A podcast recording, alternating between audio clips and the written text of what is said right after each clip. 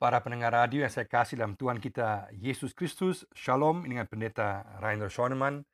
Pada saat ini kita akan merenungkan tema Kasih, ciri utama orang percaya. Kasih, ciri utama orang percaya.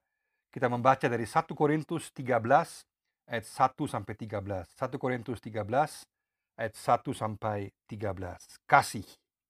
Sekalipun aku dapat berkata-kata dengan semua bahasa manusia dan bahasa malaikat. Tetapi jika aku tidak mempunyai kasih, aku sama dengan gong yang berkumandang dan canang yang gemerincing. Sekalipun aku mempunyai karunia untuk bernubuat dan aku mengetahui segala rahasia dan memiliki seluruh pengetahuan, dan sekalipun aku memiliki iman yang sempurna untuk memindahkan gunung, tetapi jika aku tidak mempunyai kasih, aku sama sekali tidak berguna. Dan sekalipun aku membagi-bagikan segala sesuatu yang ada padaku, bahkan menyerahkan tubuhku untuk dibakar, tetapi jika aku tidak mempunyai kasih, sedikit pun tidak ada faedahnya bagiku. Kasih itu sabar, kasih itu murah hati, ia tidak cemburu, ia tidak memegahkan diri dan tidak sombong. Ia tidak melakukan yang tidak sopan dan tidak mencari keuntungan diri sendiri. Ia tidak pemarah dan tidak menyimpan kesalahan orang lain. Ia tidak bersuka cita karena ketidakadilan, tetapi karena kebenaran. Ia menutupi segala sesuatu, percaya segala sesuatu, mengharapkan segala sesuatu, sabar menanggung segala sesuatu. Kasih tidak berkesudahan, nubuat akan berakhir, bahasa roh akan berhenti, pengetahuan akan lenyap. Sebab pengetahuan kita tidak lengkap dan nubuat kita tidak sempurna. Tetapi jika yang sempurna tiba, maka yang tidak sempurna itu akan lenyap. Ketika aku kanak-kanak, aku berkata-kata seperti kanak-kanak, aku merasa seperti kanak-kanak, aku berpikir seperti kanak-kanak. Sekarang, sesudah aku menjadi dewasa, aku meninggalkan sifat kanak-kanak itu. Karena sekarang kita melihat dalam cermin suatu gambaran yang samar-samar. Tetapi nanti kita akan melihat muka dengan muka. Sekarang aku hanya mengenal dengan tidak sempurna, tetapi nanti aku akan mengenal dengan sempurna, seperti aku sendiri dikenal. Demikianlah tinggal ketiga hal ini, yaitu iman, pengharapan, dan kasih. Dan yang paling besar di antaranya ialah kasih. 1 Korintus 13 ini adalah sebuah kidung agung kasih yang amat sangat indah sebuah mahakarya sastra puitis yang luar biasa indah. Dan teks ini merupakan sebuah teks yang paling banyak dikutip saat pernikahan atau juga pada acara-acara umum untuk mengungkapkan rasa kasih atau mengungkapkan apa itu cinta kasih manusia. Sungguh sebuah kidung agung kasih yang terkenal secara universal dan bahkan juga dipakai oleh orang-orang yang bukan orang Kristen. Kasih di sini digambarkan berasal dari Allah Tritunggal dalam Yesus Kristus yang menunjukkan kasihnya secara sempurna. Oleh karena itu, kasih adalah ciri utama daripada hidup orang percaya. Kasih harus dinyatakan oleh orang percaya dalam segala situasi kehidupan. Bukan hanya sebagai suatu slogan atau sebuah moto, tetapi harus dinyatakan secara praktis dalam kehidupan sehari-hari, dalam sikap, dalam kata-kata dan tindakan. Kasih adalah ciri utama kehidupan orang percaya karena berasal dari hakikat Allah sendiri. Allah adalah roh, Yohanes 4 ayat 24. Dan Allah adalah kasih, 1 Yohanes 4 ayat 16.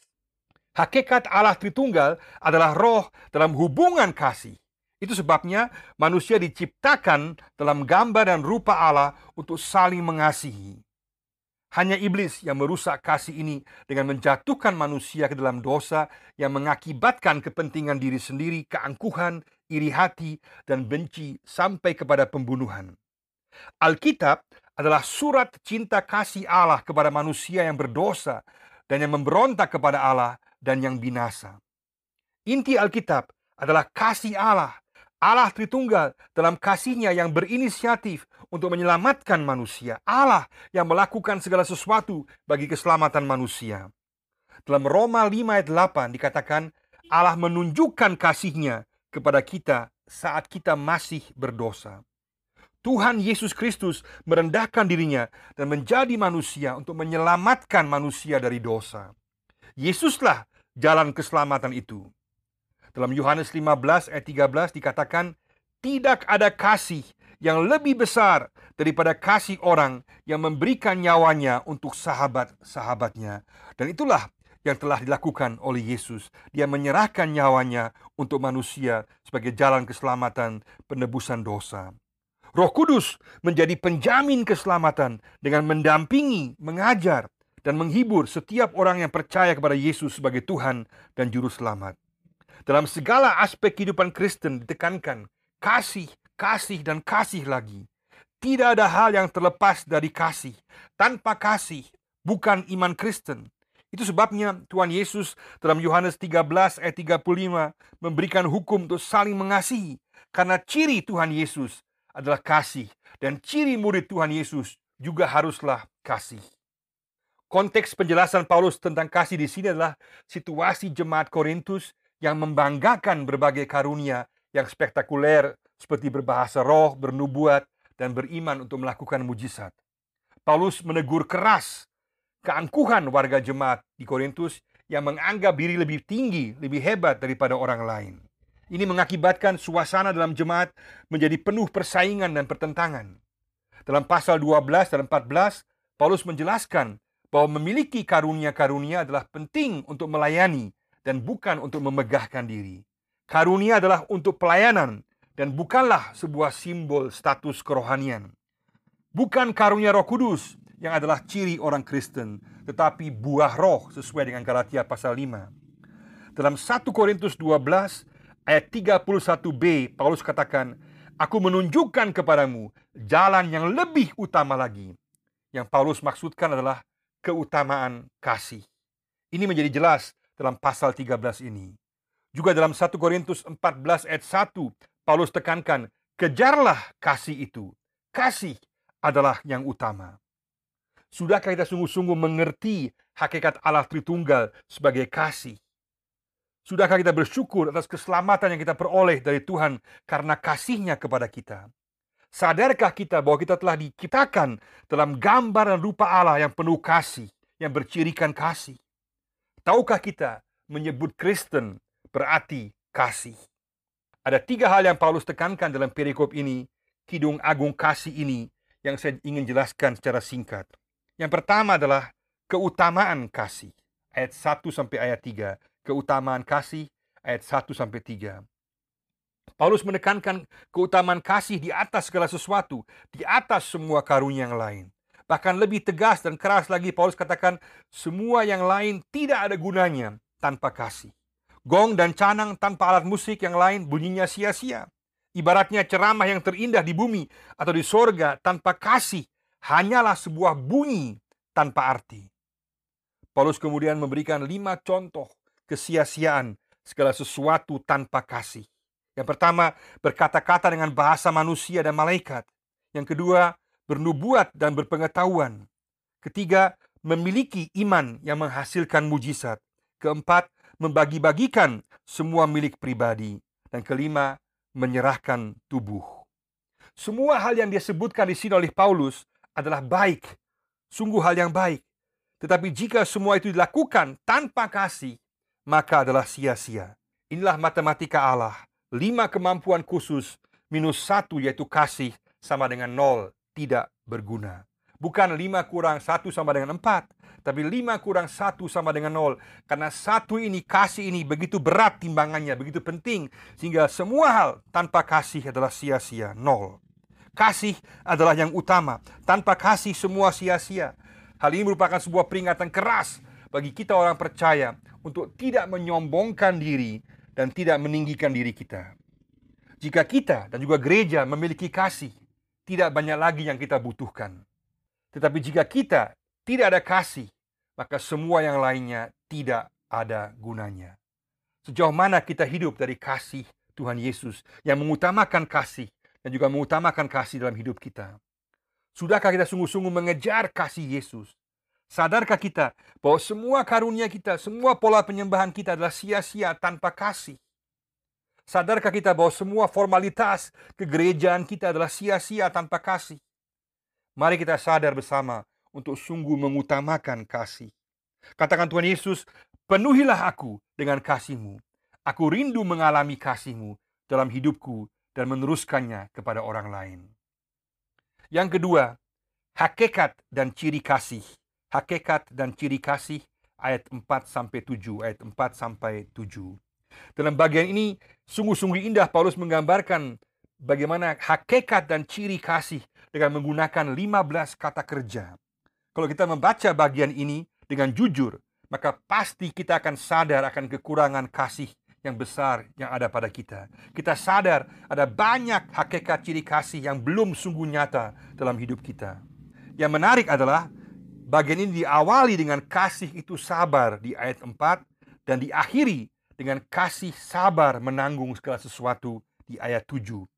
Ini namanya inklusio, sebuah tanda kurung besar. Artinya kesabaran begitu menentukan. Artinya semua hal yang lain tanpa kesabaran akan sia-sia. Paulus menggambarkan kasih yang sempurna. Ini merupakan sebuah cermin kasih yang ideal bagi kita, yang harus kita upayakan, harus kita kejar. Meskipun kita gagal dan telah gagal, tapi kita harus terus berorientasi dan fokus kepada ciri-ciri kasih ini dan mewujudkannya dalam kehidupan kita. Paulus memulai dengan dua gambaran kasih yang positif, yaitu sabar dan murah hati. Dalam bentuk bahasa aslinya bahasa Yunani adalah kata kerja, artinya kasih menjadi nyata dalam tindakan sabar dan murah hati. Dan semua ini berasal dari hakikat, sikap, dan tindakan Allah dan kita dipanggil untuk menirunya. Kita dipanggil untuk bertindak sabar menghadapi kesalahan orang lain karena Allah sendiri sangat bersabar dengan kita. Kita baca Mazmur 103 ayat 13 sampai 14, 2 Petrus 3 ayat 9. Allah adalah kasih dan karena itu Allah sabar terhadap kita. Dia tahu kelemahan kita. Oleh karena itu kita pun juga dipanggil untuk menyadari kelemahan dan keberdosaan orang lain dan bersabar. Kasih juga bermurah hati terhadap orang lain dengan membangun dan memberikan semangat kepada orang lain. Misalnya Amsal 12 ayat 25. Dalam Roma 2 ayat 4 berbicara mengenai kesabaran dan kemurahan Tuhan. Dalam kehidupan kita adalah sangat penting untuk menunjukkan kemurahan dan kebaikan. Itulah ciri kasih yang berbeda dengan dunia sekitar kita yang penuh kebencian, iri hati, dan selalu memperhitungkan segala sesuatu. Sabarlah dan bermurah hatilah. Tuhan juga sabar terhadap kita. Paulus kemudian memberikan tujuh contoh gambaran apa yang merupakan ciri kasih. Dia menggunakan kata tidak dengan tujuan untuk menekankan apa kasih itu sebenarnya. Pertama dia katakan kasih tidak cemburu, tidak memegahkan diri, dan tidak sombong. Cemburu atau iri hati merupakan racun yang merusak kehidupan. Kita baca di Amsal 14 ayat 30. Segala jenis cemburu terhadap keberhasilan orang lain, penampilan orang lain, milik orang lain, posisi jabatan orang lain harus kita tinggalkan karena merupakan racun yang berbahaya. Juga segala jenis kesombongan, memegahkan diri, mau menonjolkan diri, merasa diri di atas orang lain akan merusak ketenangan kehidupan pribadi dan kebersamaan kita dan juga secara pribadi. Yang kedua, kasih tidak melakukan yang tidak sopan dan tidak mencari keuntungan diri sendiri. Artinya, tidak menjatuhkan orang lain, tidak menghina orang lain, tetapi secara positif menghargai dan menghormati orang lain.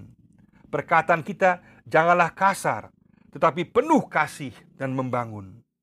Kasih tidak memakai atau menggunakan orang untuk kepentingan diri sendiri, tetapi peduli pada orang lain. Ketiga, kasih tidak pemarah dan tidak menyimpan kesalahan orang lain. Kasih tidak cepat terprovokasi untuk marah dengan kata-kata yang kasar, tetapi bereaksi dengan tenang. Kasih tidak simpan kesalahan orang. Coba bayangkan, kalau Tuhan menyimpan kesalahan kita, maka habislah kita, kita binasa.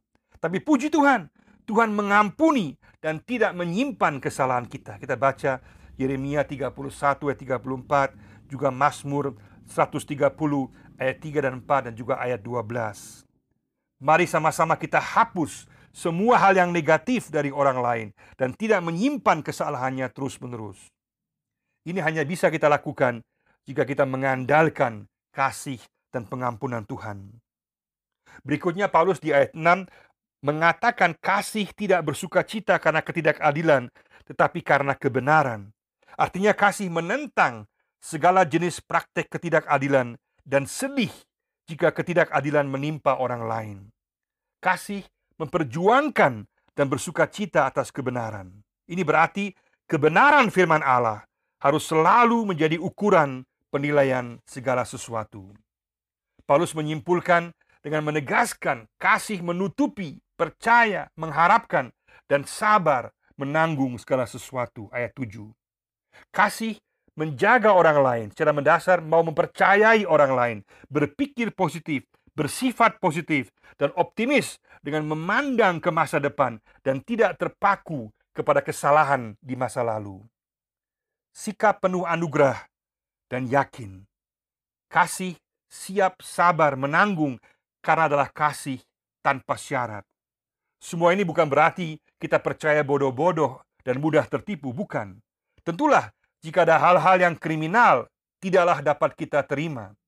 Di mana ada kekerasan dalam rumah tangga, pelanggaran HAM, dan hal-hal kriminal lainnya, tentulah harus juga diselesaikan secara hukum. Kita harus melihat kasus per kasusnya tetapi yang ditekankan di sini adalah sikap dasar kita yang harus dikuasai oleh kasih. Ini bukan berarti kasih itu buta akan realita, bukan. Kasih tahu akan kegagalan manusia, tetapi tidak mau menganggap kegagalan sebagai titik akhir. Masih melihat dan memberikan pengharapan akan pembaharuan. Pertanyaannya adalah, apakah ciri-ciri ini sungguh kita pentingkan dalam hidup kita dan sungguh kita kejar untuk kita wujud nyatakan.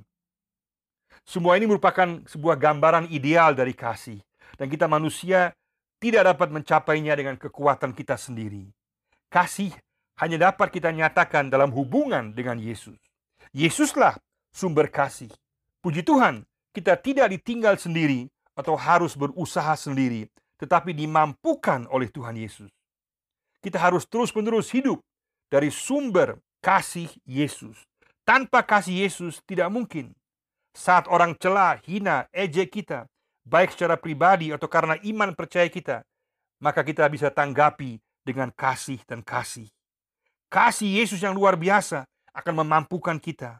Sejarah gereja dan misi membuktikan bagaimana kasih orang percaya menjadi kesaksian bagi banyak orang dan merubah banyak orang dan membawa orang untuk percaya kepada Yesus. Kasih mengalahkan segala sesuatu dari kekuatan kasih manusiawi tidak mungkin, tetapi adalah mungkin karena kasih Yesus. Maukah kita?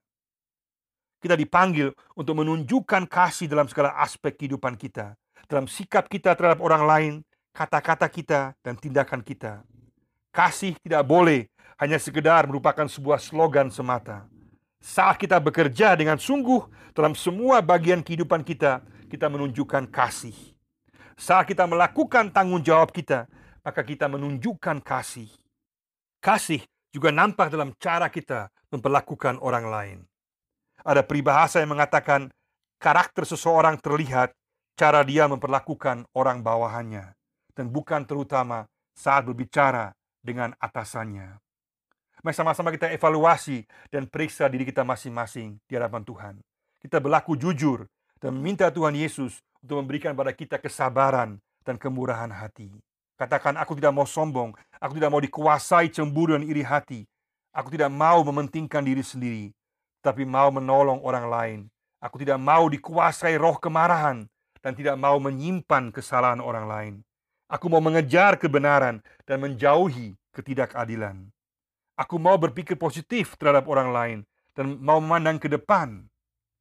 Tuhan, aku bersyukur karena engkau mengampuni aku dan begitu sabar dan murah hati terhadap aku dan tidak memperhitungkan kesalahanku. Jadikan aku sabar, murah hati dengan tidak memperhitungkan kesalahan orang lain. Yang ketiga, kasih adalah kekal dan terbesar selamanya. Kasih adalah kekal dan terbesar selamanya. Ayat 8 sampai 13. Paulus menekankan kembali pentingnya dan utamanya kasih karena semua karunia akan berakhir dan hanyalah kasih yang bersifat kekal selama-lamanya. Oleh karena itu, pentingkanlah kasih, kejarlah kasih. Semua karunia lain juga baik dan penting. Tapi yang utama adalah kasih, karena kasih bersifat kekal selama-lamanya. Surga akan dipenuhi oleh kasih yang sempurna. Kita akan diberikan tubuh dan roh yang baru, yang sempurna dan di sorga tidak ada kawin mawin. Matius 22:30. Pengikut Yesus harus belajar bahasa kasih karena itulah ciri hidup kehidupan di sorga. Saat kesempurnaan tiba, yaitu saat Tuhan Yesus datang kembali, maka semua pengetahuan dan nubuatan tidak lagi diperlukan. Hanya tinggal kasih, kasih, dan kasih lagi. Kasih adalah yang terbesar. Paulus membuat kontras antara yang tidak sempurna dan yang sempurna dengan gambaran seorang anak dengan seorang yang dewasa. Pengetahuan kita saat ini adalah hanyalah samar-samar dan terbatas. Ini digambarkan dengan cermin yang tidak bagus dan kurang jelas, yang hanya samar-samar. Tetapi saat Tuhan Yesus datang kembali, kita akan melihat Allah sebagaimana Allah ada dalam kemuliaannya.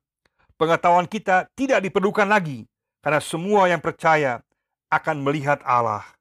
Ibaratnya, saat matahari terbit, lampu tidak dibutuhkan lagi.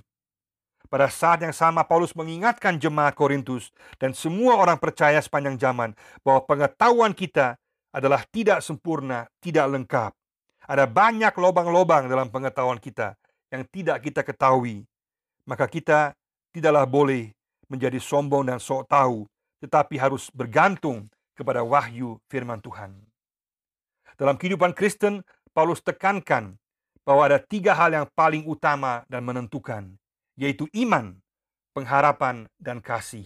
Kita melihat dalam Roma pasal 5 ayat 1 sampai 5 dan juga banyak bagian yang lain.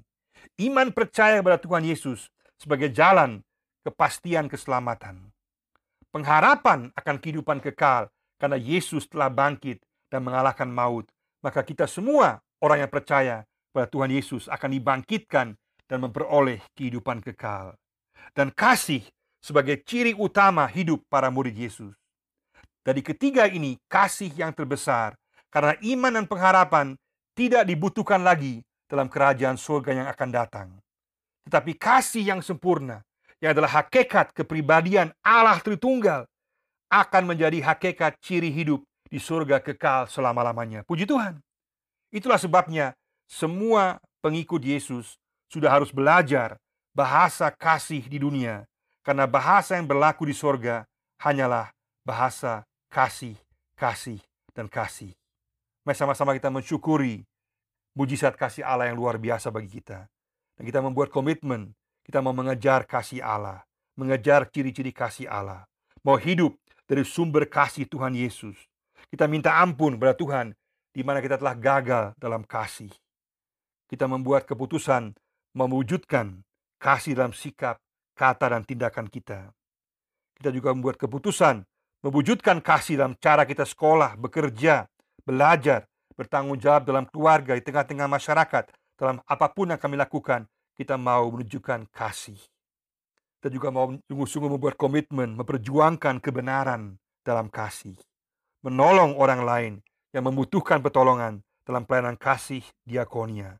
Membela mereka yang tertindas dan menegakkan keadilan dalam sikap kasih.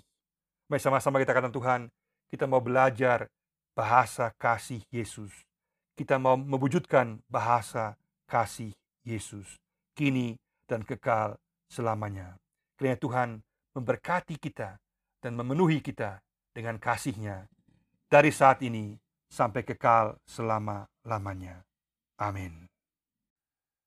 Para pendengar radio yang saya kasih dalam Tuhan kita Yesus Kristus, Shalom dengan pendeta Rainer Schoenemann. Pada saat ini kita akan merenungkan tema kasih, ciri utama orang percaya. Kasih, ciri utama orang percaya. Kita membaca dari 1 Korintus 13 ayat 1 sampai 13. 1 Korintus 13 ayat 1 sampai 13. Kasih. Sekalipun aku dapat berkata-kata dengan semua bahasa manusia dan bahasa malaikat, tetapi jika aku tidak mempunyai kasih, aku sama dengan gong yang berkumandang dan canang yang gemerincing. Sekalipun aku mempunyai karunia untuk bernubuat dan aku mengetahui segala rahasia dan memiliki seluruh pengetahuan, dan sekalipun aku memiliki iman yang sempurna untuk memindahkan gunung, tetapi jika aku tidak mempunyai kasih, aku sama sekali tidak berguna. Dan sekalipun aku membagi-bagikan segala sesuatu yang ada padaku, bahkan menyerahkan tubuhku untuk dibakar, tetapi jika aku tidak mempunyai kasih, sedikit pun tidak ada faedahnya bagiku. Kasih itu sabar, kasih itu murah hati, ia tidak cemburu, ia tidak memegahkan diri dan tidak sombong. Ia tidak melakukan yang tidak sopan dan tidak mencari keuntungan diri sendiri. Ia tidak pemarah dan tidak menyimpan kesalahan orang lain. Ia tidak bersuka cita karena ketidakadilan, tetapi karena kebenaran. Ia menutupi segala sesuatu, percaya segala sesuatu, mengharapkan segala sesuatu, sabar menanggung segala sesuatu. Kasih tidak berkesudahan. Nubuat akan berakhir, bahasa roh akan berhenti, pengetahuan akan lenyap. Sebab pengetahuan kita tidak lengkap dan nubuat kita tidak sempurna. Tetapi jika yang sempurna tiba, maka yang tidak sempurna itu akan lenyap. Ketika aku kanak-kanak, aku berkata-kata seperti kanak-kanak, aku merasa seperti kanak-kanak, aku berpikir seperti kanak-kanak. Sekarang, sesudah aku menjadi dewasa, aku meninggalkan sifat kanak-kanak itu. Karena sekarang kita melihat dalam cermin suatu gambaran yang samar-samar. Tetapi nanti kita akan melihat muka dengan muka. Sekarang aku hanya mengenal dengan tidak sempurna. Tetapi nanti aku akan mengenal dengan sempurna seperti aku sendiri dikenal. Demikianlah tinggal ketiga hal ini, yaitu iman, pengharapan, dan kasih. Dan yang paling besar di antaranya ialah kasih. 1 Korintus 13 ini adalah sebuah kidung agung kasih yang amat sangat indah. Sebuah mahakarya sastra puitis yang luar biasa indah. Dan teks ini merupakan sebuah teks yang paling banyak dikutip saat pernikahan atau juga pada acara-acara umum untuk mengungkapkan rasa kasih atau mengungkapkan apa itu cinta kasih manusia. Sungguh sebuah kidung agung kasih yang terkenal secara universal dan bahkan juga dipakai oleh orang-orang yang bukan orang Kristen. Kasih di sini digambarkan berasal dari Allah Tritunggal dalam Yesus Kristus yang menunjukkan kasihnya secara sempurna. Oleh karena itu, kasih adalah ciri utama daripada hidup orang percaya. Kasih harus dinyatakan oleh orang percaya dalam segala situasi kehidupan. Bukan hanya sebagai suatu slogan atau sebuah moto, tetapi harus dinyatakan secara praktis dalam kehidupan sehari-hari, dalam sikap, dalam kata-kata dan tindakan. Kasih adalah ciri utama kehidupan orang percaya karena berasal dari hakikat Allah sendiri. Allah adalah roh, Yohanes 4 ayat 24. Dan Allah adalah kasih, 1 Yohanes 4 ayat 16. Hakikat Allah Tritunggal adalah roh dalam hubungan kasih. Itu sebabnya manusia diciptakan dalam gambar dan rupa Allah untuk saling mengasihi. Hanya iblis yang merusak kasih ini dengan menjatuhkan manusia ke dalam dosa yang mengakibatkan kepentingan diri sendiri, keangkuhan, iri hati, dan benci sampai kepada pembunuhan. Alkitab adalah surat cinta kasih Allah kepada manusia yang berdosa dan yang memberontak kepada Allah dan yang binasa. Inti Alkitab adalah kasih Allah Allah Tritunggal dalam kasihnya yang berinisiatif untuk menyelamatkan manusia. Allah yang melakukan segala sesuatu bagi keselamatan manusia. Dalam Roma 5 ayat 8 dikatakan Allah menunjukkan kasihnya kepada kita saat kita masih berdosa.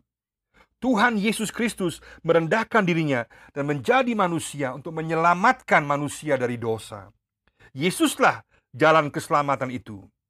Dalam Yohanes 15 ayat 13 dikatakan, tidak ada kasih yang lebih besar daripada kasih orang yang memberikan nyawanya untuk sahabat-sahabatnya. Dan itulah yang telah dilakukan oleh Yesus. Dia menyerahkan nyawanya untuk manusia sebagai jalan keselamatan penebusan dosa. Roh Kudus menjadi penjamin keselamatan dengan mendampingi, mengajar, dan menghibur setiap orang yang percaya kepada Yesus sebagai Tuhan dan Juru Selamat.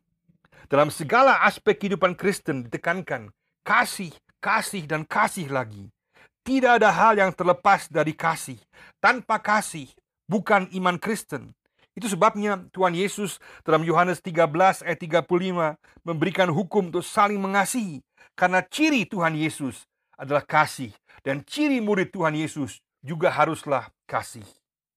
Konteks penjelasan Paulus tentang kasih di sini adalah situasi jemaat Korintus yang membanggakan berbagai karunia yang spektakuler seperti berbahasa roh, bernubuat, dan beriman untuk melakukan mujizat. Paulus menegur keras keangkuhan warga jemaat di Korintus yang menganggap diri lebih tinggi, lebih hebat daripada orang lain. Ini mengakibatkan suasana dalam jemaat menjadi penuh persaingan dan pertentangan. Dalam pasal 12 dan 14, Paulus menjelaskan bahwa memiliki karunia-karunia adalah penting untuk melayani dan bukan untuk memegahkan diri. Karunia adalah untuk pelayanan dan bukanlah sebuah simbol status kerohanian.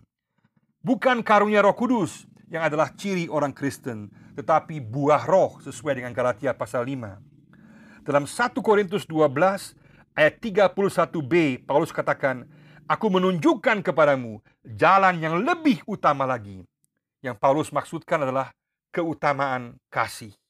Ini menjadi jelas dalam pasal 13 ini. Juga dalam 1 Korintus 14 ayat 1, Paulus tekankan, kejarlah kasih itu. Kasih adalah yang utama. Sudahkah kita sungguh-sungguh mengerti hakikat Allah Tritunggal sebagai kasih? Sudahkah kita bersyukur atas keselamatan yang kita peroleh dari Tuhan karena kasihnya kepada kita? Sadarkah kita bahwa kita telah diciptakan dalam gambar dan rupa Allah yang penuh kasih, yang bercirikan kasih? Tahukah kita menyebut Kristen berarti kasih? Ada tiga hal yang Paulus tekankan dalam perikop ini, kidung agung kasih ini, yang saya ingin jelaskan secara singkat. Yang pertama adalah keutamaan kasih. Ayat 1 sampai ayat 3. Keutamaan kasih ayat 1 sampai 3. Paulus menekankan keutamaan kasih di atas segala sesuatu, di atas semua karunia yang lain.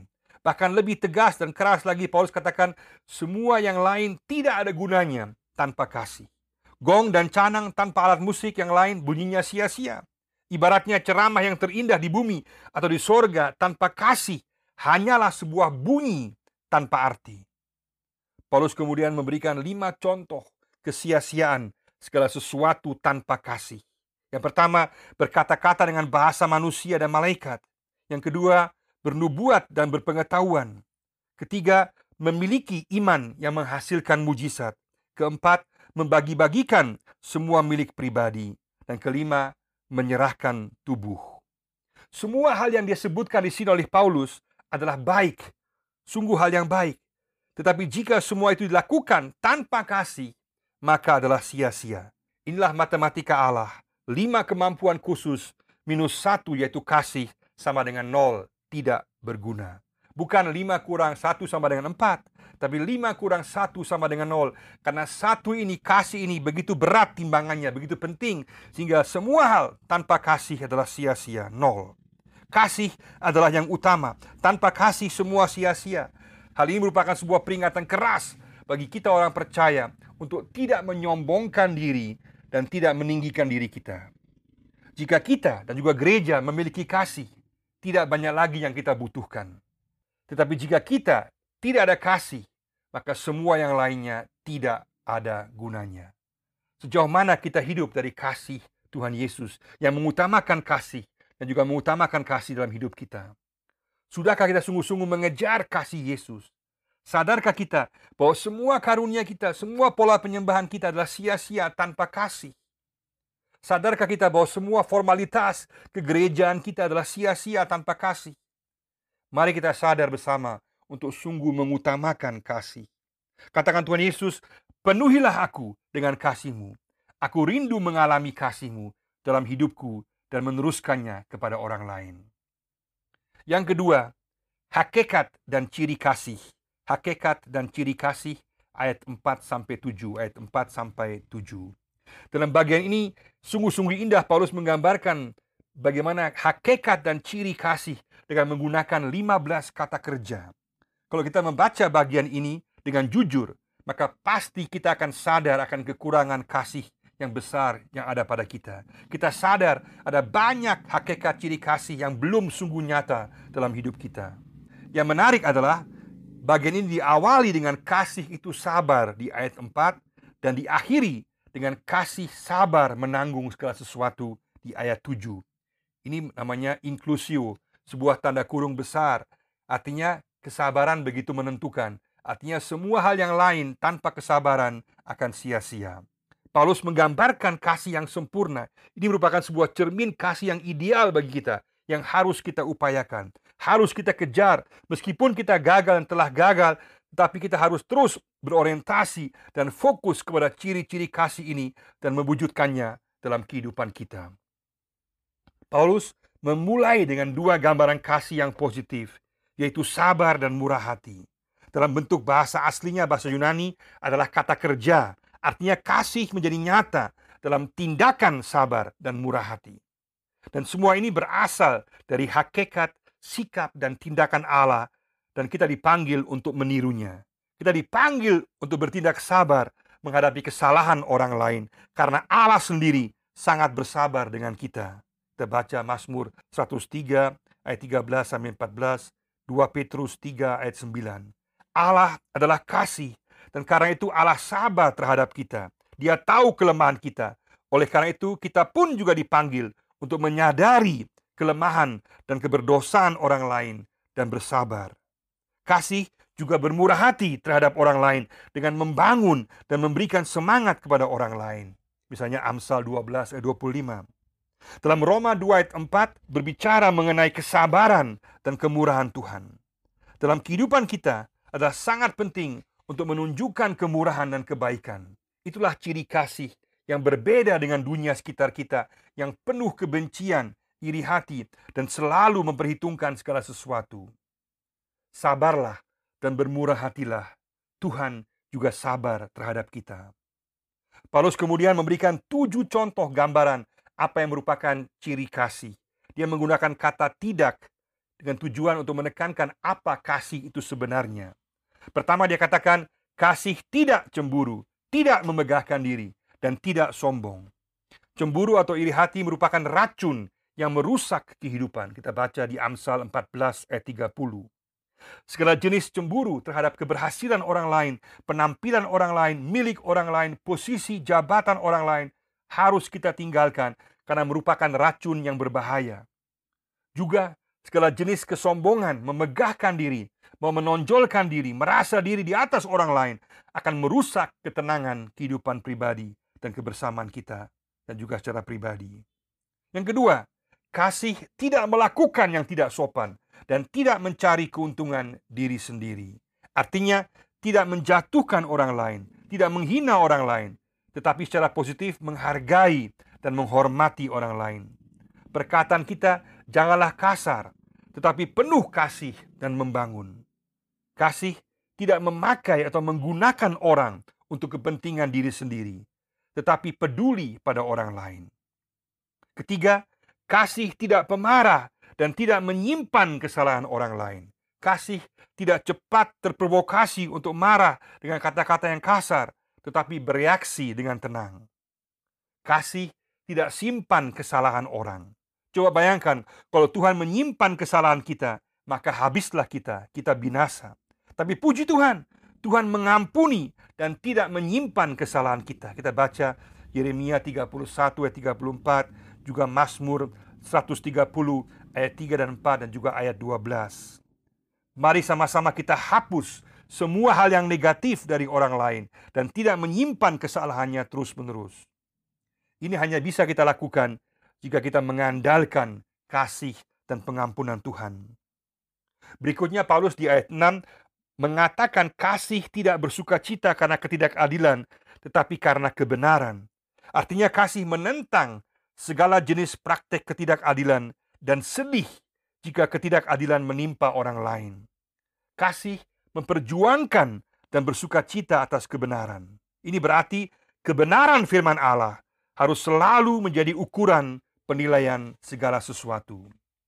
Paulus menyimpulkan dengan menegaskan kasih menutupi percaya, mengharapkan, dan sabar menanggung segala sesuatu. Ayat 7.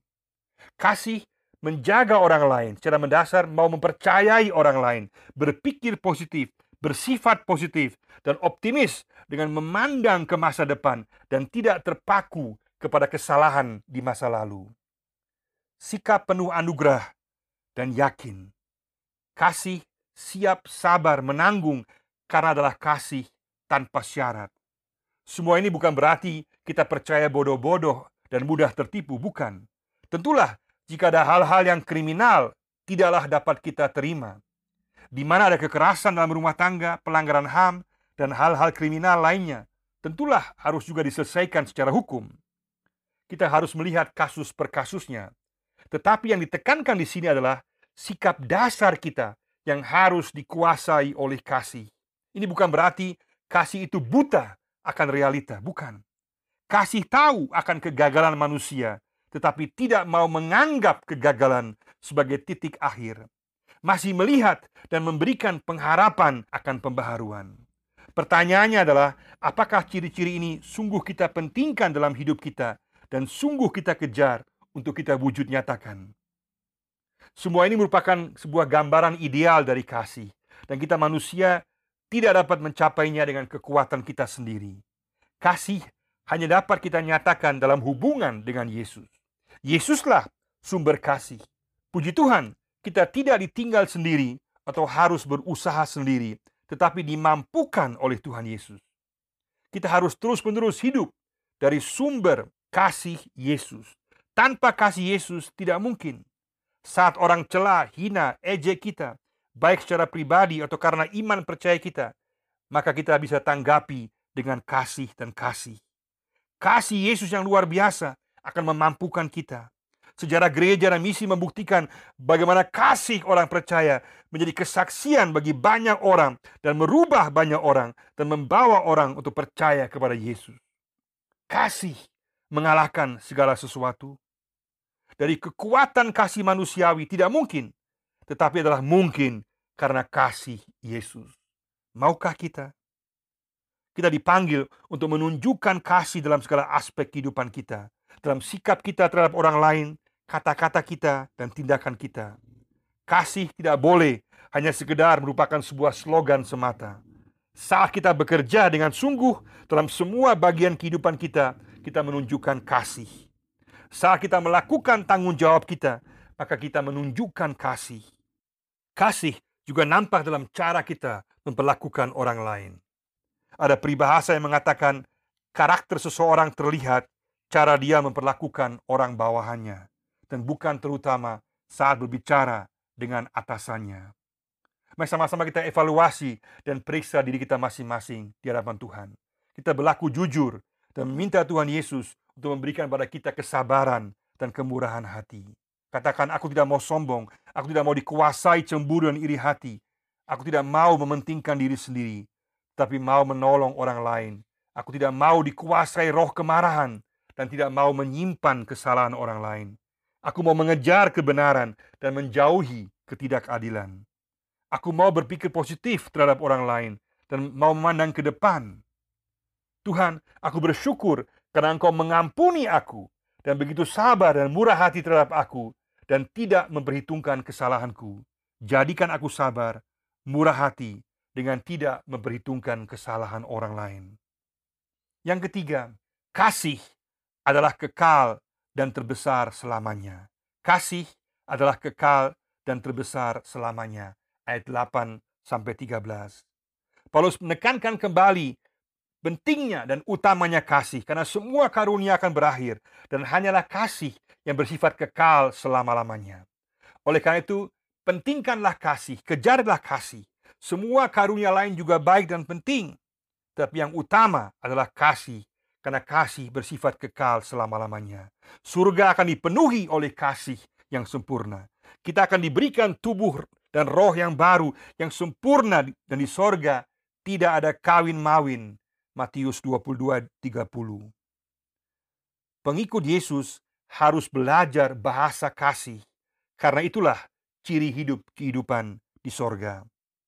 Saat kesempurnaan tiba, itu saat Tuhan Yesus datang kembali, maka semua pengetahuan dan nubuatan tidak lagi diperlukan. Hanya tinggal kasih, kasih dan kasih lagi. Kasih adalah yang terbesar. Paulus membuat kontras antara yang tidak sempurna dan yang sempurna dengan gambaran seorang anak dengan seorang yang dewasa. Pengetahuan kita saat ini adalah hanyalah samar-samar dan terbatas. Ini digambarkan dengan cermin yang tidak bagus dan kurang jelas, yang hanya samar-samar. Tetapi saat Tuhan Yesus datang kembali, kita akan melihat Allah sebagaimana Allah ada dalam kemuliaannya. Pengetahuan kita tidak diperlukan lagi karena semua yang percaya akan melihat Allah. Ibaratnya, saat matahari terbit, lampu tidak dibutuhkan lagi. Pada saat yang sama, Paulus mengingatkan jemaat Korintus dan semua orang percaya sepanjang zaman bahwa pengetahuan kita adalah tidak sempurna, tidak lengkap. Ada banyak lobang-lobang dalam pengetahuan kita yang tidak kita ketahui. Maka kita tidaklah boleh menjadi sombong dan sok tahu tetapi harus bergantung kepada wahyu firman Tuhan. Dalam kehidupan Kristen, Paulus tekankan bahwa ada tiga hal yang paling utama dan menentukan, yaitu iman, pengharapan, dan kasih. Kita melihat dalam Roma pasal 5 ayat 1 sampai 5 dan juga banyak bagian yang lain. Iman percaya kepada Tuhan Yesus sebagai jalan kepastian keselamatan. Pengharapan akan kehidupan kekal karena Yesus telah bangkit dan mengalahkan maut, maka kita semua orang yang percaya pada Tuhan Yesus akan dibangkitkan dan memperoleh kehidupan kekal. Dan kasih sebagai ciri utama hidup para murid Yesus. Dari ketiga ini, kasih yang terbesar karena iman dan pengharapan tidak dibutuhkan lagi dalam kerajaan surga yang akan datang.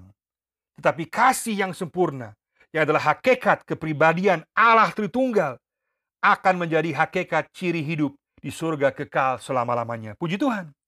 Itulah sebabnya semua pengikut Yesus sudah harus belajar bahasa kasih di dunia. Karena bahasa yang berlaku di surga hanyalah bahasa kasih, kasih, dan kasih. Mari sama-sama kita mensyukuri mujizat kasih Allah yang luar biasa bagi kita.